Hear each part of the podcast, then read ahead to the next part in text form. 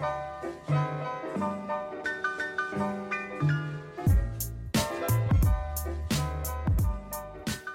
Tere, tere, hea kuulaja, algab saade Õpime koos ning sinuga on Karin Tõevere ja Signe Varendi. Tartus jagab lastele teadmisi kolm kristlikku erakooli, katoliku kool, kristlik põhikool ja noorimana luterlik Peetri kool. täna uurimegi saatekülalistelt Tarvo Siilabergilt ja õppealajuhatajalt Külvi Tederilt, miks rajati oma kool ja saame teada, mille poolest eristub Peetri kool teistest omataolistest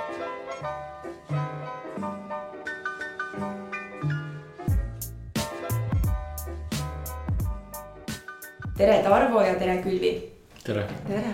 alustamegi siis algusest, et Tartu Peetri kool, milleks oli vaja luua ühte kristlikku põhikooli?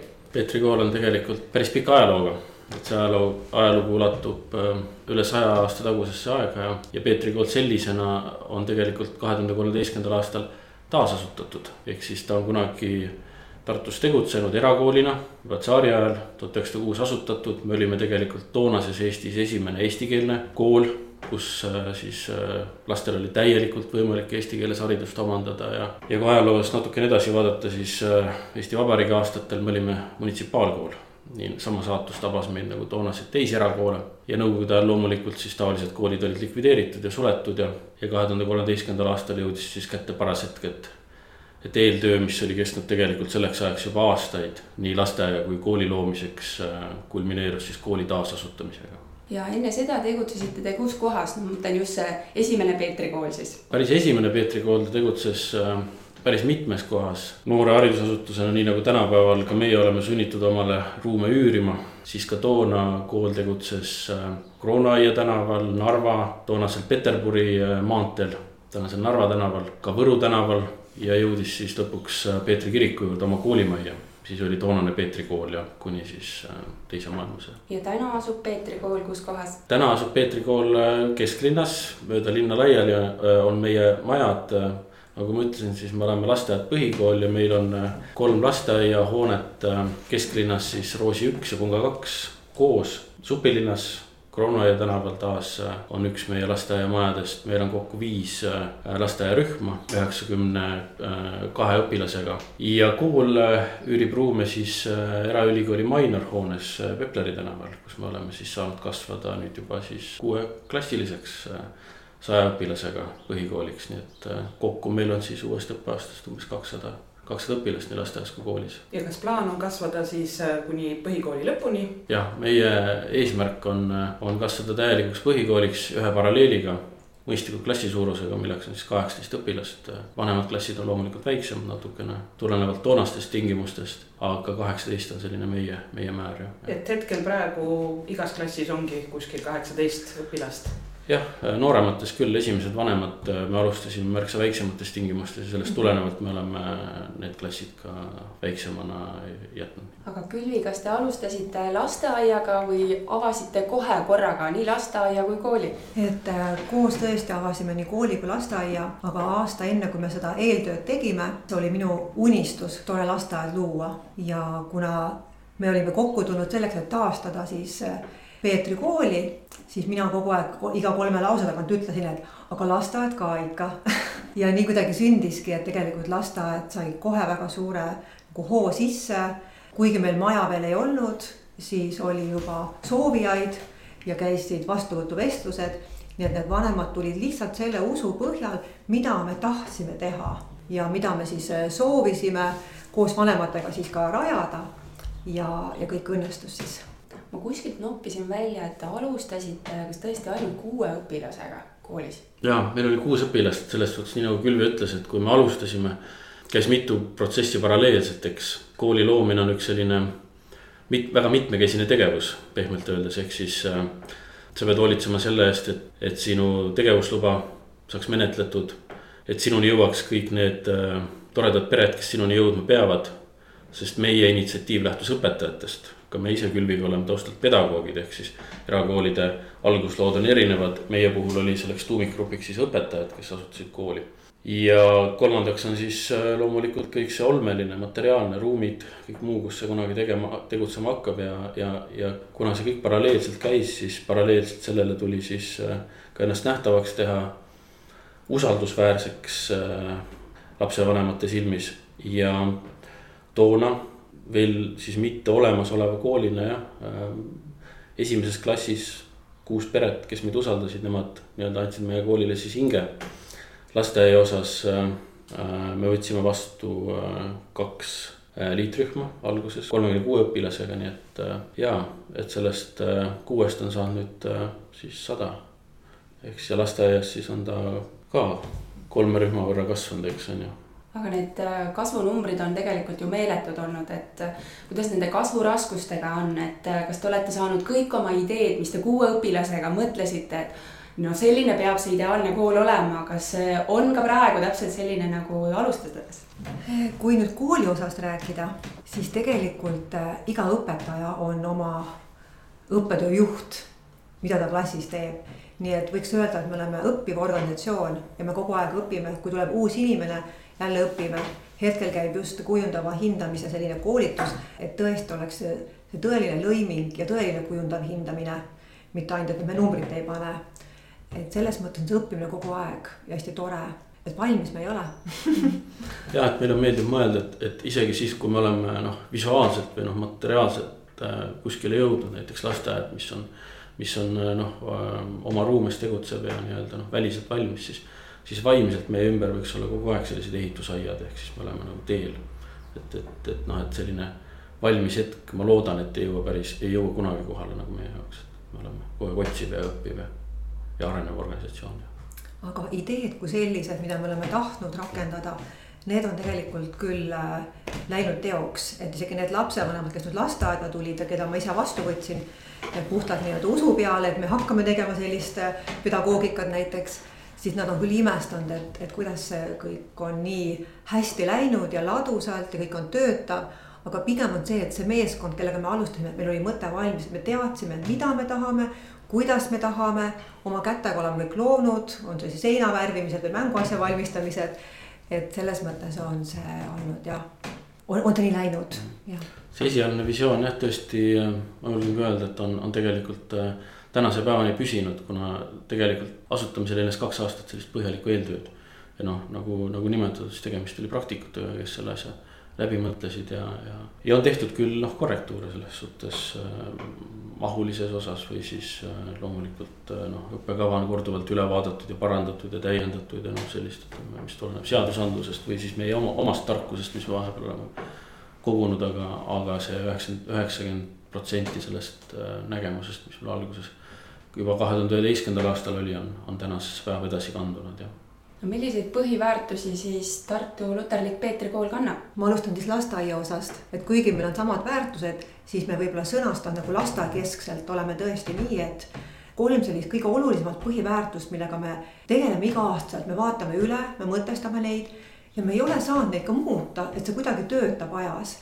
on siis austus, hoolivus ja tänulikkus ehk siis ka uuemad uuringud kinnitavad seda, et tegelikult tänulikkus on üks elu õnne saladus, kes oskab olla. ja samamoodi selline austus nii väikese inimese kui, kui suure inimese või ükskõik kelle vastu, ka jumala vastu, siis on üks suur tervik, mis äh, teeb jällegi õnnelikuks. ja kooli poolt lisandub siis neljas ehk vastutustunne.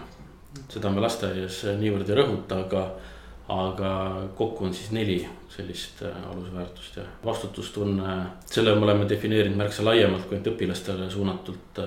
see peaks olema siis äh, väärtus, millele põhineb meie kogukonna, kogukonna ehitamine laiemalt, ehk siis äh, vastutustunne ühiselt võetud ülesannete lõpule viimise eest eelkõige nii õpetajate, lapsevanemate kui ka siis kogukonnale tervikuna. ja kuna hoolivus on ka selline väärtus, mis küll on väga paljudel asutustel vist kirjas siis me oleme just rõhutanud sellist aktiivset hoolivust, et ma mitte ainult ei vaata ja mõtlen, oi kui tore või kui kahju, vaid vastupidi, selline aktiivne märkamine, sekkumine ja, ja toimetamine ka ühiskonna tasandil. ja mille poolest te siis eristute teistest erakoolidest, tavakoolidest? Äh, me oleme kõige laiemalt võttes üks maailmavaatelistest erakoolidest, natuke kitsendades siis äh, kristlikku maailmavaadet kandev erakool ja sealt veel edasi minnes, siis me esindame äh, kristliku maailmavaate siis luterlikku protestantlikku traditsiooni. ehk siis äh, meie identiteet on ühest küljest äh, vaimne, teisest küljest ajalooline, seotud väga tugevalt selle omaaegse Peetri kooliga. ja sealt edasi minnes võib välja tuua juba üksikuid asju, mida me teeme teisiti ja noh, mis meie puhul on sellised markerid, näiteks keeleõpe. meil on A-keeleks saksa keel, meil on see väga hästi õigustanud ennast, väga tugev töö on sellega tehtud meie, me õpetame ainet, mille nimeks on meedia suhtlemisõpetus, mis on kahtlemata vajalik kaasaegses ühiskonnas äh, kasvavale noorele. teadlikkuse saavutamiseks ümbritsevast ja, ja kuidas see teda ja kuidas tema seda võiks mõjutada. me kasutame läbivalt äh, kujundavat sõnalist hindamist kõigi klasside puhul algusest peale ja meie algklassides on läbivalt kasutusel üldõpetus, mis kasvab edasi siis äh, lõim-, lõimitud aineõpetuseks teisest kooliastmest. Need on mõned sellised nähtused. aga väärtuskasvatus kui selline, mis on meie laiemaks eripäraks, on siis äh, algamas eelkõige nendest äh, täiskasvanutest, kes koolikeskkonnas on. enne kui me jõuame sellega õpilasteni, tähendab see seda, kuidas kooli juhitakse, kuidas kooli peetakse, millistele väärtustele rajanevalt ja, ja, ja kuidas see kajastub meie omavahelises suhtlemises ja, ja asjaajamises ja sealt edasi äh, õpetatakse seda läbi eeskuju, läbi täiskasvanu eeskuju koolikeskkonnas, läbi märkamise eelkõige. nii et koolil on, äh, koolil on nii-öelda laiemalt kaks poolt ehk siis kaks eesmärki. anda väärtharidust ja anda siis väärtusharidust, need on need asjad. ja et kui võib-olla lasteaiaosa natukene lisada juurde, et siis äh, eripärana, et ma usun, et tegelikult tehakse päris head tööd juba mujal ka.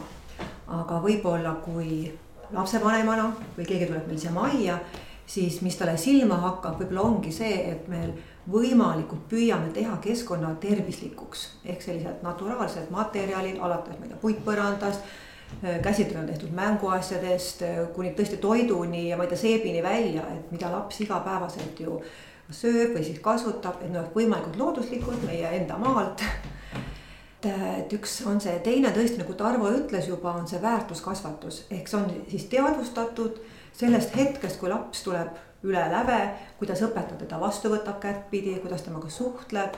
et see väärtuskasvatus ongi igapäevane osa, kuidas õpetaja siis istub, astub, vaatab lapsele otsa või puudutab, et see on nagu täielik tervik et lapsel oleks hea, ta usaldaks ennast ja maailma ja suudaks siis austada nii ennast kui kaaslast. võtaks veel kokku võib-olla selle eripära on see, selle sõna ma küll laenasin Tartu Ülikoolilt, aga me nagu anname hingeharidust ka sinna juurde et kõigele muule heale haridusele lisaks, et selline hingeharidus, mida on igal inimesel vaja, on ta väike või, või suur või vana. et sarnane on ootus ka meie töötajate osas, et nendes oleks esindatud need äh, nimetatud kaks poolt. ehk siis äh, kooli identiteet kajastuks nende enda identiteedis ja äh, professionaalne areng oleks vastav ja, ja see, mida me võime eeldada siis oma töötajate puhul, ehk siis no kaks tuhat üksteist, kui te asusite tööle, et äh, taasluua kooli ja, ja ma sain aru, et see sai alguse pedagoogidest, et nemad tulid äh, tavakoolidest äh, kokku ja, ja hakkasid siis seda kooli taaslooma või hoopis kuidagi nii-öelda noh, sellel hetkel ei, ei tegutsenudki õpetajatena. Või? see seltskond, kes ka täna, tänasel päeval moodustab meie koolipidaja MTÜ Tartu Luterlik Peetri Kool Tuumiku, on tõesti pedagoogilise taustaga aga meid ühendas kõiki üks inimene, see on siis äh, Peetri koguduse õpetaja Ants Tooming. keda me siis tundsime, tundsime üksteist ka natukene või teadsime. aga temaga siis sidus meid lähem tutvus ja, ja, ja tema meid kokku tõi jah. et äh, mitmed meist on töötanud äh, munitsipaalkoolides, mina ise kaasa arvatud. ja, ja teine selline ühisosa, mis seob suuremat osa meist, on äh, religioonipedagoogika. me oleme siis usuteaduskonna vilistlased ja, ja religioonipedagoogika suuna lõpetanud seda õppinud Pille Valgu käe all, Pille Valk on nii-öelda meie siis selline vaimne ema olnud, ehk siis äh, paljud mõtted ja ka püüdlus õpetajaks saamise poole on temast alguse saanud. Äh, kooli juures tegutseb ka Pille Valgu nimeline stipendiumifond, millega on siis püütud toetada religiooni pedagoogikat tänapäeval õppijaid. ja käesoleval sügisel ilmub siis kooli toimetiste sarjas teise raamatuna Pille Valgu väärtuskasvatuslike artiklite kogumik nii et äh, püüame seda haridusideed ka levitada. jah, ja võib-olla lasteaia poolt lisades veel, et tõesti, mina küll mõtlesin valmis need inimesed, kellega me oleksime tõesti nii-öelda ühes paadis, et me saaksime ühist asja ajada. nii et äh, mina võtsin küll kampa paari inimest, kellega koos me seda kõike tegime ja lisaks siis kuulutasime konkursi teistele töötajatele, kes tõesti tulid lihtsalt nende samade väärtuste põhimõtete järgi. me ei eeldanud mingit suurt töökogemust, vaid et kui need põhimõtted on samad, siis on meil lihtne kõike koos õppida. ja kõik koosolekud, mis me teeme iganädalaselt, on ka pigem sellised nagu sisekoolituslikud, et me ise õpime ja, ja tähtis on tahe, kas inimene tahab seda teha ja kui palju see kollektiiv on nüüd tänaseks siis kasvanud, muutunud, inimesi ära läinud, juurde tulnud või on see tuumik on siiamaani kõik siin alles? võiks öelda, et tuumik on alles selles suhtes, et äh, me oleme kasvanud hoogsalt, me alustasime kaheteist töötajaga. Praeguseks on meil siis nelikümmend kaks inimest, kes töötab nii kooli kui lasteaia jaoks.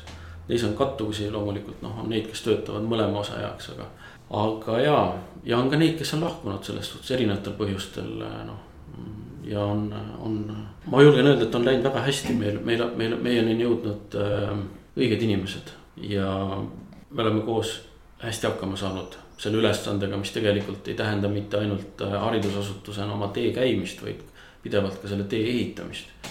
Nii et äh, noh, see vastutus on mõneti kahekordne, me peame saama lihtsalt üksteist usaldada, üksteisele lootma ja, ja, ja seda on selle võrra lihtsam teha, kui selle, kui see tugineb väga konkreetsetele väärtustele, milles me oleme kõik kokku leppinud ühiselt.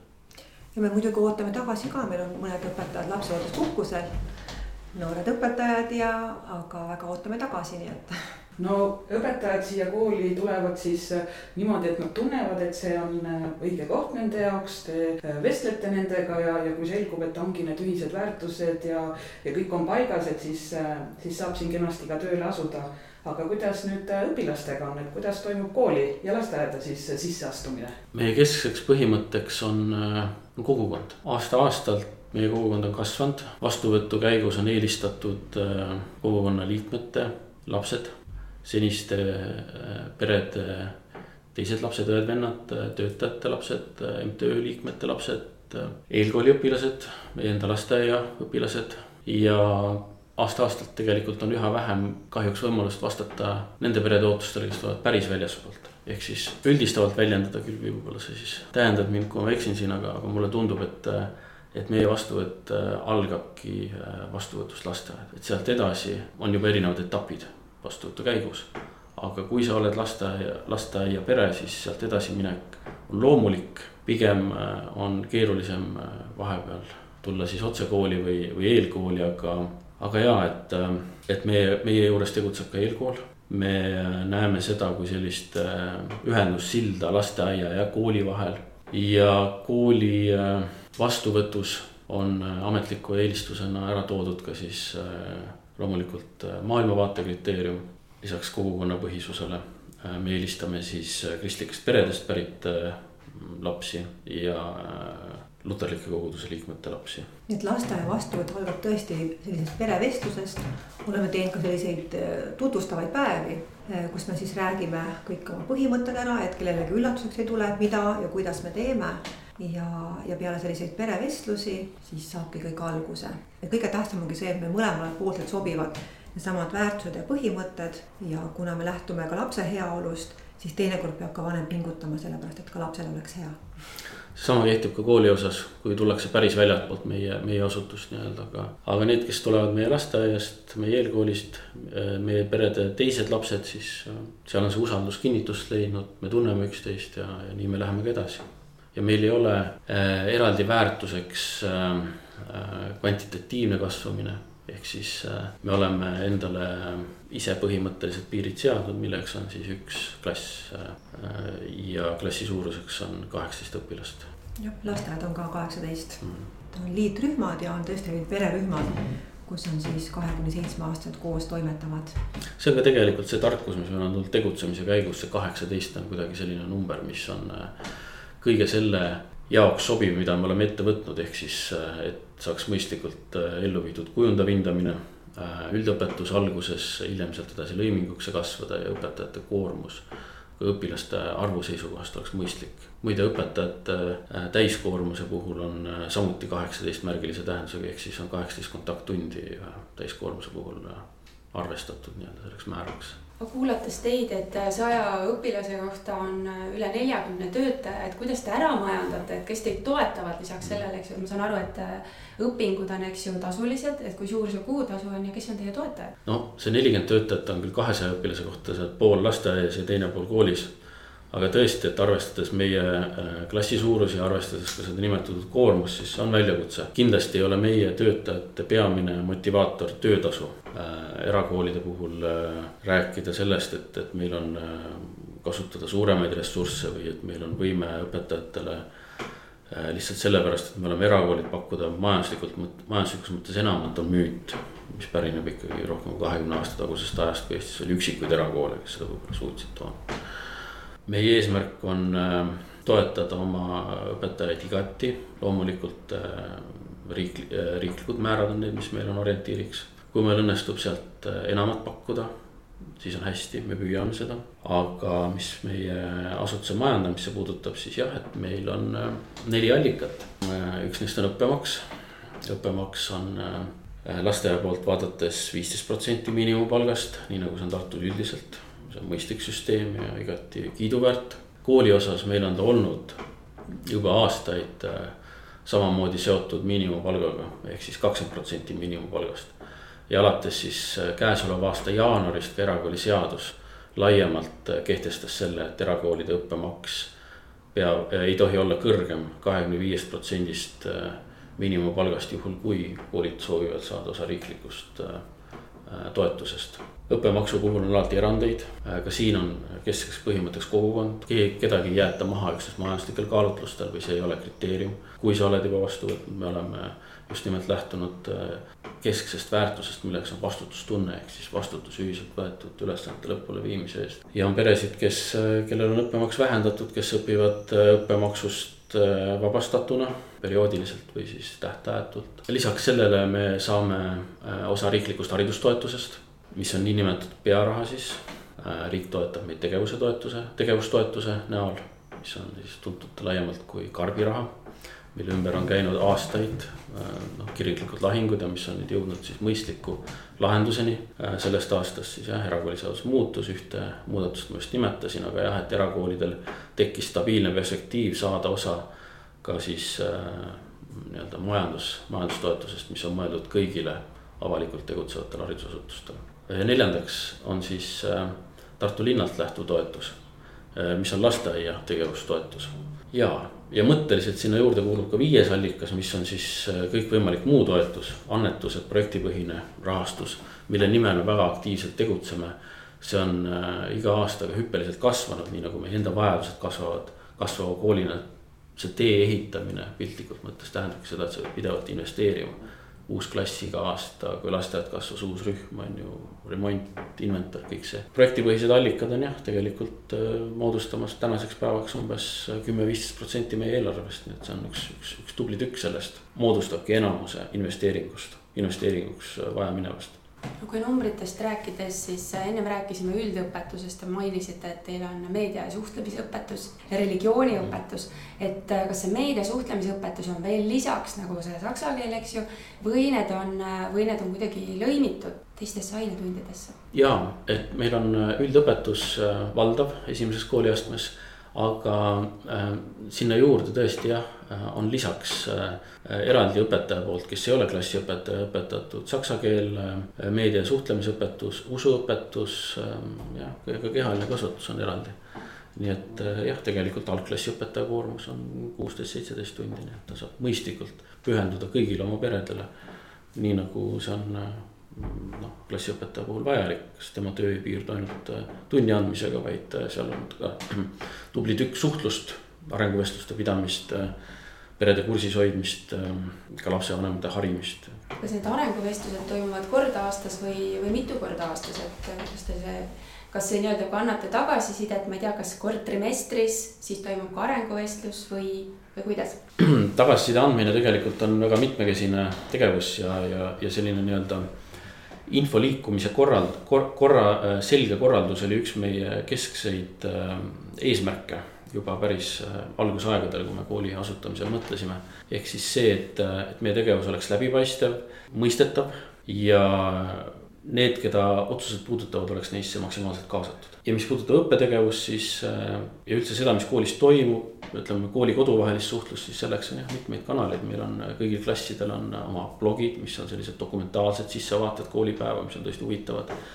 ainult äh, vanematele mõeldud, mm, kujundava hindamise kontekstis noh, loomulikult me ei anna ainult kokkuvõtvat tagasisidet, vaid kujundav hindamine on ka jooksev trimestri kestel vanem e-päeviku keskkonnas saab oma lapse arengu kohta tagasisidet. see tagasiside on võrdlev äh, last tema enda varasema arenguga. ja siis on kõik see, mis on laiemale üldsusele mõeldud, ehk siis äh, mida te näete meie kodulehel. see kõige staatilisem osa meie tegevuse, tegevuse kohta käivast äh, sotsiaalmeedias kajastatav ja, ja, ja igakuiselt on ka siis sellised raportid või koondkokkuvõtted siis kogu kogukonnale, kuidas meil on läinud. mis on nii tahavaatavad kui ettevaatavad. kogukond on üsna infoga üle, üle külvatud, et kes tahab, see saab kõike kätte. ja lasteaia poole pealt on tõesti, on kaks korda aastas sellised vestlused, on perevestlus, kui laps tuleb lasteaeda see on siis tavaliselt kas suve lõpus või sügise alguses ja siis kevade poole on siis arenguvestlused ja, ja vastavalt vajadusele muidugi kogu aeg, et. esimesel aastal on jah, nende, need õpilased, kes on esimest aastat meie koolis, siis ütleme esimene klass eelkõige, siis nendega peetakse arenguvestlused äh, kaks korda aastas. nii nagu seni on olnud see töötajate puhul, sõltumata sellest, kas ta on esimest aastat või viiendat aastat meie koolis juba tööl. ja mis hindamist puudutab veel ja selle tagasisidest, äh, õppetöö tagasisidestamist, siis äh, seal on osa ka õpilasel endal, ehk siis trimestri lõpus, kui ähm, saab see see kõik äh, kokku võetud, äh, trükitud, pakendatud, siis sealhulgas on ka lapse enesehinnang, enesehinnang ja, ja tehtud see loomulikult õpetaja juhendamisel ja, ja noh, lapsele arusaadavas vormis, aga, aga see ähm, taaskord ehitab just nimelt seda vastutusoskust ja kõike seda, et kuidas analüüsida, kuidas iseenda peale vaadata.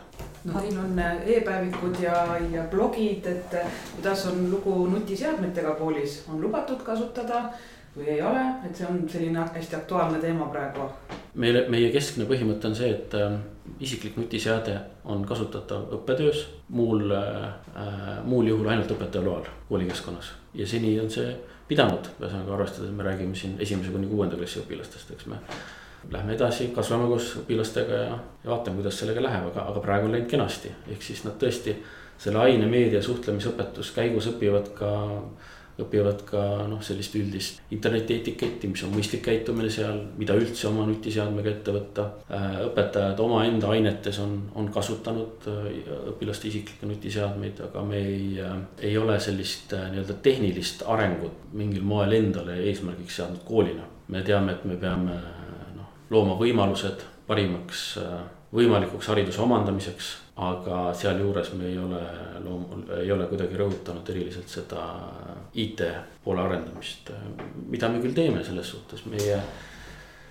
meie kooli juures on äh, algusest peale olnud ka huvihariduse pool, mis on kasvanud aasta-aastalt. Äh, kevadel kaks tuhat kaheksateist me jõudsime huvikooli tegevusloani, nii et äh, sügisest alustab ametlikult ka Peetri huvikool, mis on mõeldud küll eelkõige praegu lähiaastatel meie enda õpilastele. meil on valikus äh, umbes ähm, tosinkond erinevat huviringi, nende arv kasvab iga-aastaselt ja sealhulgas siis on, on olnud ka selliseid nagu animatsiooniring, äh, tulevasest aastast ka robootika, mis on noh klassikalised IT-kesksed valdkonnad on ju. oma klassiruumid varustanud kõige vajalikuga, ehk siis äh, dokumendikaameratest, projektoritest, arvutitest äh, rääkides, need on meil kõik olemas ja, ja õpilaste kasutuses tahvelarvutid, arvutiklass, aga noh, see on nagu loomuliku protsessi osa, et iseenesest ei ole ju väärtus. kuidas on õpilaste koormusega, et kui lisandub see meedia ja suhtlemisõpetus, religiooniõpetus, et kas õpilaste päevakava on ka suurem kui näiteks tavakoolis? ma julgen öelda, et ei ole, me oleme ikkagi noh, need, mis need nimetatud äh, on ainetunnid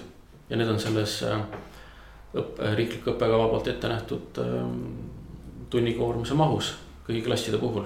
sellele lisaks me oleme pakkumas nimetatud huviharidust, see on siis koolipäeva teine pool. meie eesmärk on see, et äh, ka see aeg, mis jääb pärast tunde, mida võib-olla noh, võiks traditsiooniliselt mõttes nimetada pikapäevarühma ajaks, oleks äh, tulevikus üha enam sisustatud just nimelt huvihariduse poolt meie enda õpilastele, meie enda poolt on ju. ka selles osalevad tegelikult mitmed meie aineõpetajad, kes on, viivad läbi ka huviringe, aga neid on ka väljaspoolt jah et õpilaste koormus ei ole märkimisväärselt suurem, me oleme püüdnud seda hoida ikkagi mõõdukana selles suhtes, et me anname endale aru, et, et lapse elus ei ole peamine mitte kool, vaid pere. äh, meil varasematel aastatel, enne kui tuli riiklik viie vaheaja süsteem, oli, oli selleks puhvriks nii-öelda, mis on noh, see viienda vaheaja koht seal veebruaris. mõistlikult leitud, oli kodusõppenädal. kodusõppenädal oligi selline aeg, kus siis oli noh, oli kompromiss nii-öelda õppetöö, õppeaasta pikkuse, perega koos veedetava aja vahel ja tavaliselt see tähendaski mingit õpiprojekti, mida siis tehti koos perega, aga.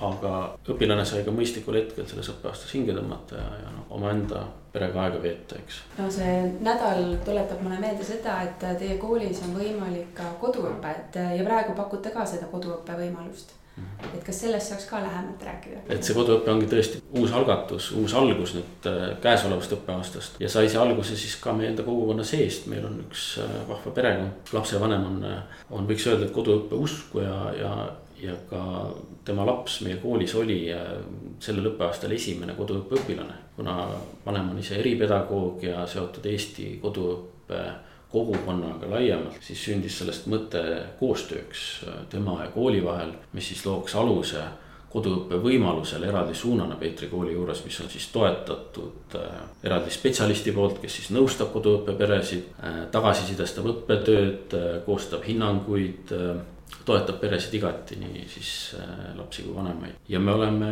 jah, seda nimetanud eraldi suunana, arengusuunana ja, ja tänapäeval äh, lapsevanemate tööelu, äh, see, kuidas nad vaatavad haridusele, omaenda pere, pere toimimisele, eeldab haridusasutustelt samuti paindlikkust ja.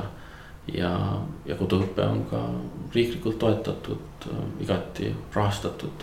et sellisel juhul mõtlesime, et kuna meil on selle aluseks mõistlik koostöö, siis me tegime algust, meil on esimesed õpilased vastu võetud, vaatame, kuidas läheb sellega ja tundub, et praegu läheb hästi. ja lasteaia poolt äh, pakute te ka täiesti uudset asja või õigemini hakkate pakkuma, nädalalõpu lasteaed. et mida see siis on endast kujutab ja miks seda vaja on? jah, see on üks äh, huvitav teema, sest me ei tea, kuhu ja kuidas me täpselt jõuame, see on nüüd täiesti uus, aga kuna tõesti vanematel on tööd ju ka nädalavahetusel ja erinevaid elukutseid, mis, mis, kes, keda see puudutab, siis on küll see üks mõte, kui lapsel on viis päeva nii-öelda lasteaiapäeva nädalas, siis ei pea see olema ainult nii-öelda tööpäevadel, vaid võib-olla ka teistel päevadel. aga see, et see nädalavahetuse või nädala lõpurühm tuleks, oleks võimalikult lapsele soodne ja, ja tervislik, siis ongi meil nagu eesmärk teha see õuesõpperühmana. meil on küll ruumid olemas ja majakasutust vajadusel ja me tahame ennast siis nüüd suvel tulevad koolitused veel ja kõik selle õuesõpperuumi sisustus, et maksimaalselt ikkagi hakata seda õuesõppe asja ka väga teadlikult ajama, sest väga suur nõudlus näiteks Tartu linnas on ka õuelasteaia järele, et me vaatame, kuidas meil läheb sellega ja siis kunagi hiljem anname tagasisidet. ja üks rühm või mitu rühma kohe?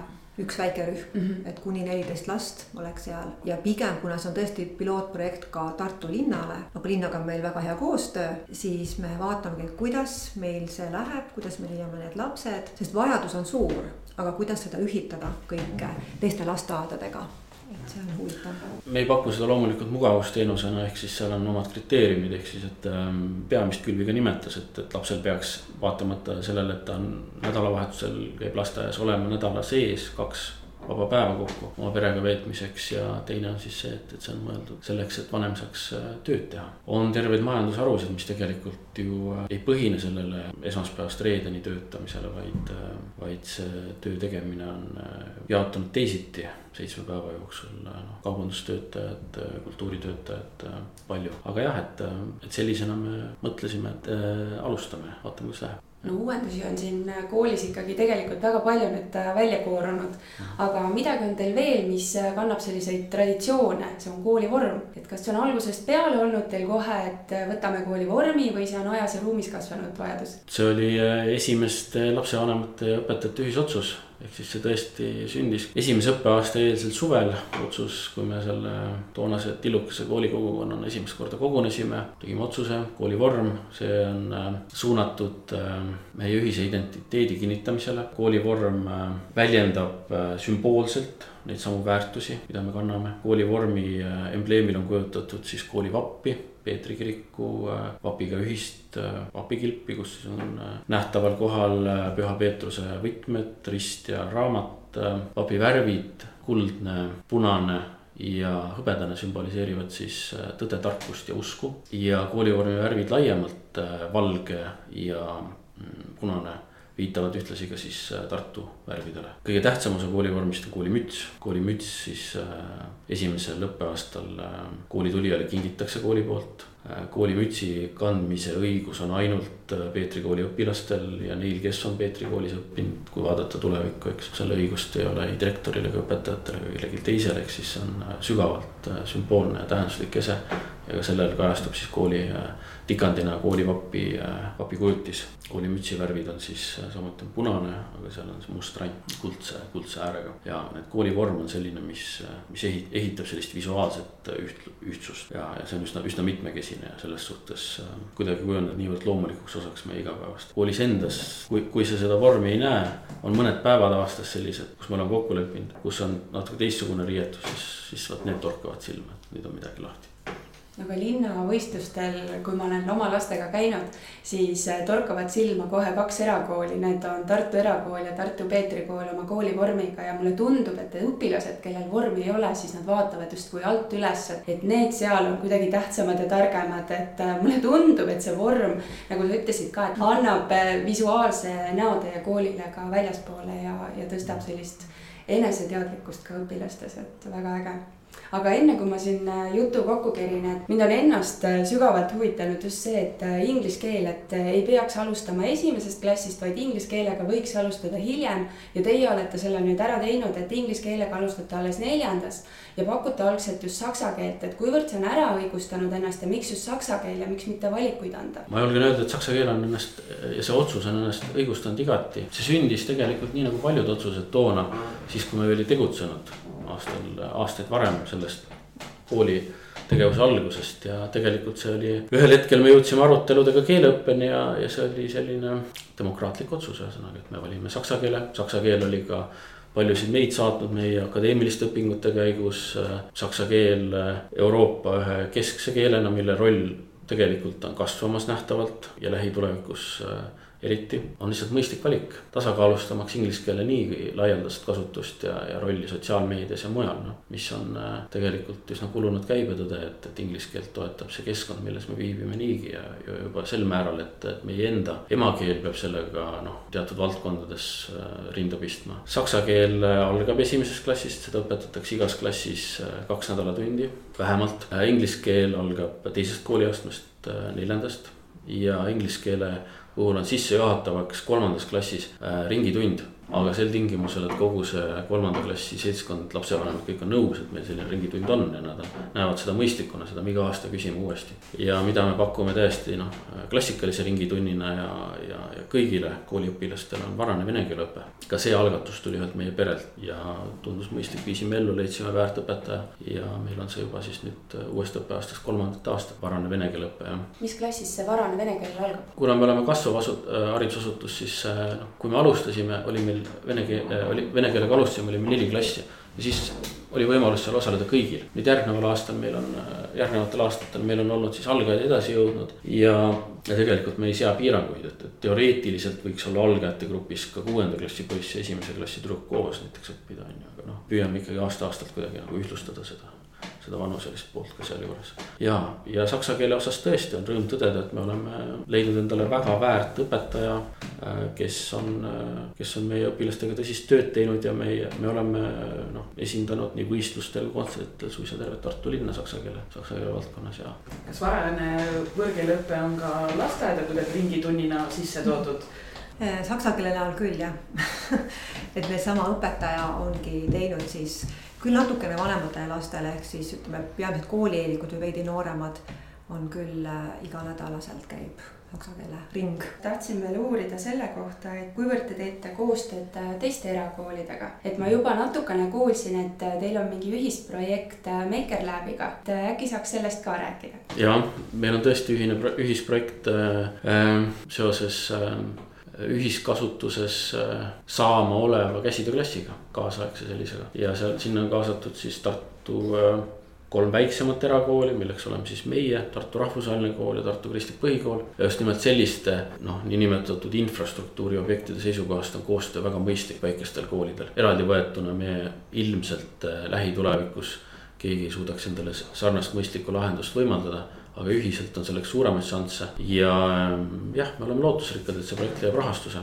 laiemalt meid seob koostöö teiste kristlike erakoolidega, Eesti Kristlike Koolide Liidu raames. me oleme ka sarnasesse liitu üle-euroopaliselt kaasatud oma kohaliku liidu kaudu ja me, mis puudutab kristlikke koole, siis meid on jah Eestis üheksa, neid omakorda kuidagi püüdes jaotada, neist kuus on sarnased nagu meie sama noored kui meie, kolm natukene vanemad, aga me oleme kõik jah, üksteiselt õppimas, koos õppimas, koostööd tegemas, vajadusel siis suheldes riigiga või või kellegi teisega. see vajadus on tõstatanud ju päris teravalt, see liit on ennast õigustanud igati ja mis puudutab kohalikke erakoole veel siin Tartus, siis jah, et me aeg-ajalt saame kokku ja räägime huvipakkuvatel teemadel. no koostöö on alati hästi-hästi oluline ja kui Tartus ringi liikuda, siis paistab silma, et kutsute koostööle ka kõiki linnakodanikke, et tahaksite luua oma kooli, nii-öelda oma maja saada. Mhm. et millised unistused veel lisaks sellele on, mis tulevik toob? peamine unistus on see, et, et me suudame koolina ja ka lasteaiana tegelikult äh, kasvada kõiges selles, mida me oleme ette võtnud ja jääda truuks oma põhiväärtustele, see on see peamine. puudutab oma maja, siis tõesti jah, et, et see on suur väljakutse. me oleme selle, seda teed käinud, tubli tüki selleks kõigeks ära teinud, aga tubli tükk on puudu veel ja, ja käesolev aeg noh, esitab omad väljakutsed, mis hetkel on meie jaoks natukene suured, me oleme mõneti omaenda ajast või enda kasvamisest ees, et, et paraku on nii, et tänapäeval kooli ehitamine ei suuda võistelda kaubanduskeskuste rajamise ja kõige muu sellega, nii et me natuke ootame oma aega sellega, aga sellele vaatamata kool peab saama mõistlikul moel kasvada ja, ja nii, et see sisu, sisu areneks ja, ja hariduse andmine oleks igati tasemel. no teiega võiks siin veel rääkida meediaõpetusest ja religiooniõpetusest, aga seekord tõmbame otsad kokku, sest meie Signega saime ka teada, millega Tartu Luterlik Peetri kool silma paistab teiste. kui sinagi said koos meiega täna uusi mõtteid ja inspiratsiooni, siis anna taskuhäälingule hoogu juurde, likei, jaga ja kommenteeri meie postitusi sotsiaalmeedia kanalites kanalites. kui soovid taskuhäälingut Õpime koos toetada, siis täname sind annetuse eest MTÜ Tartu Loomemaja arveldusarve kontole. kõik vajalikud lingid leiab saate kirjeldusest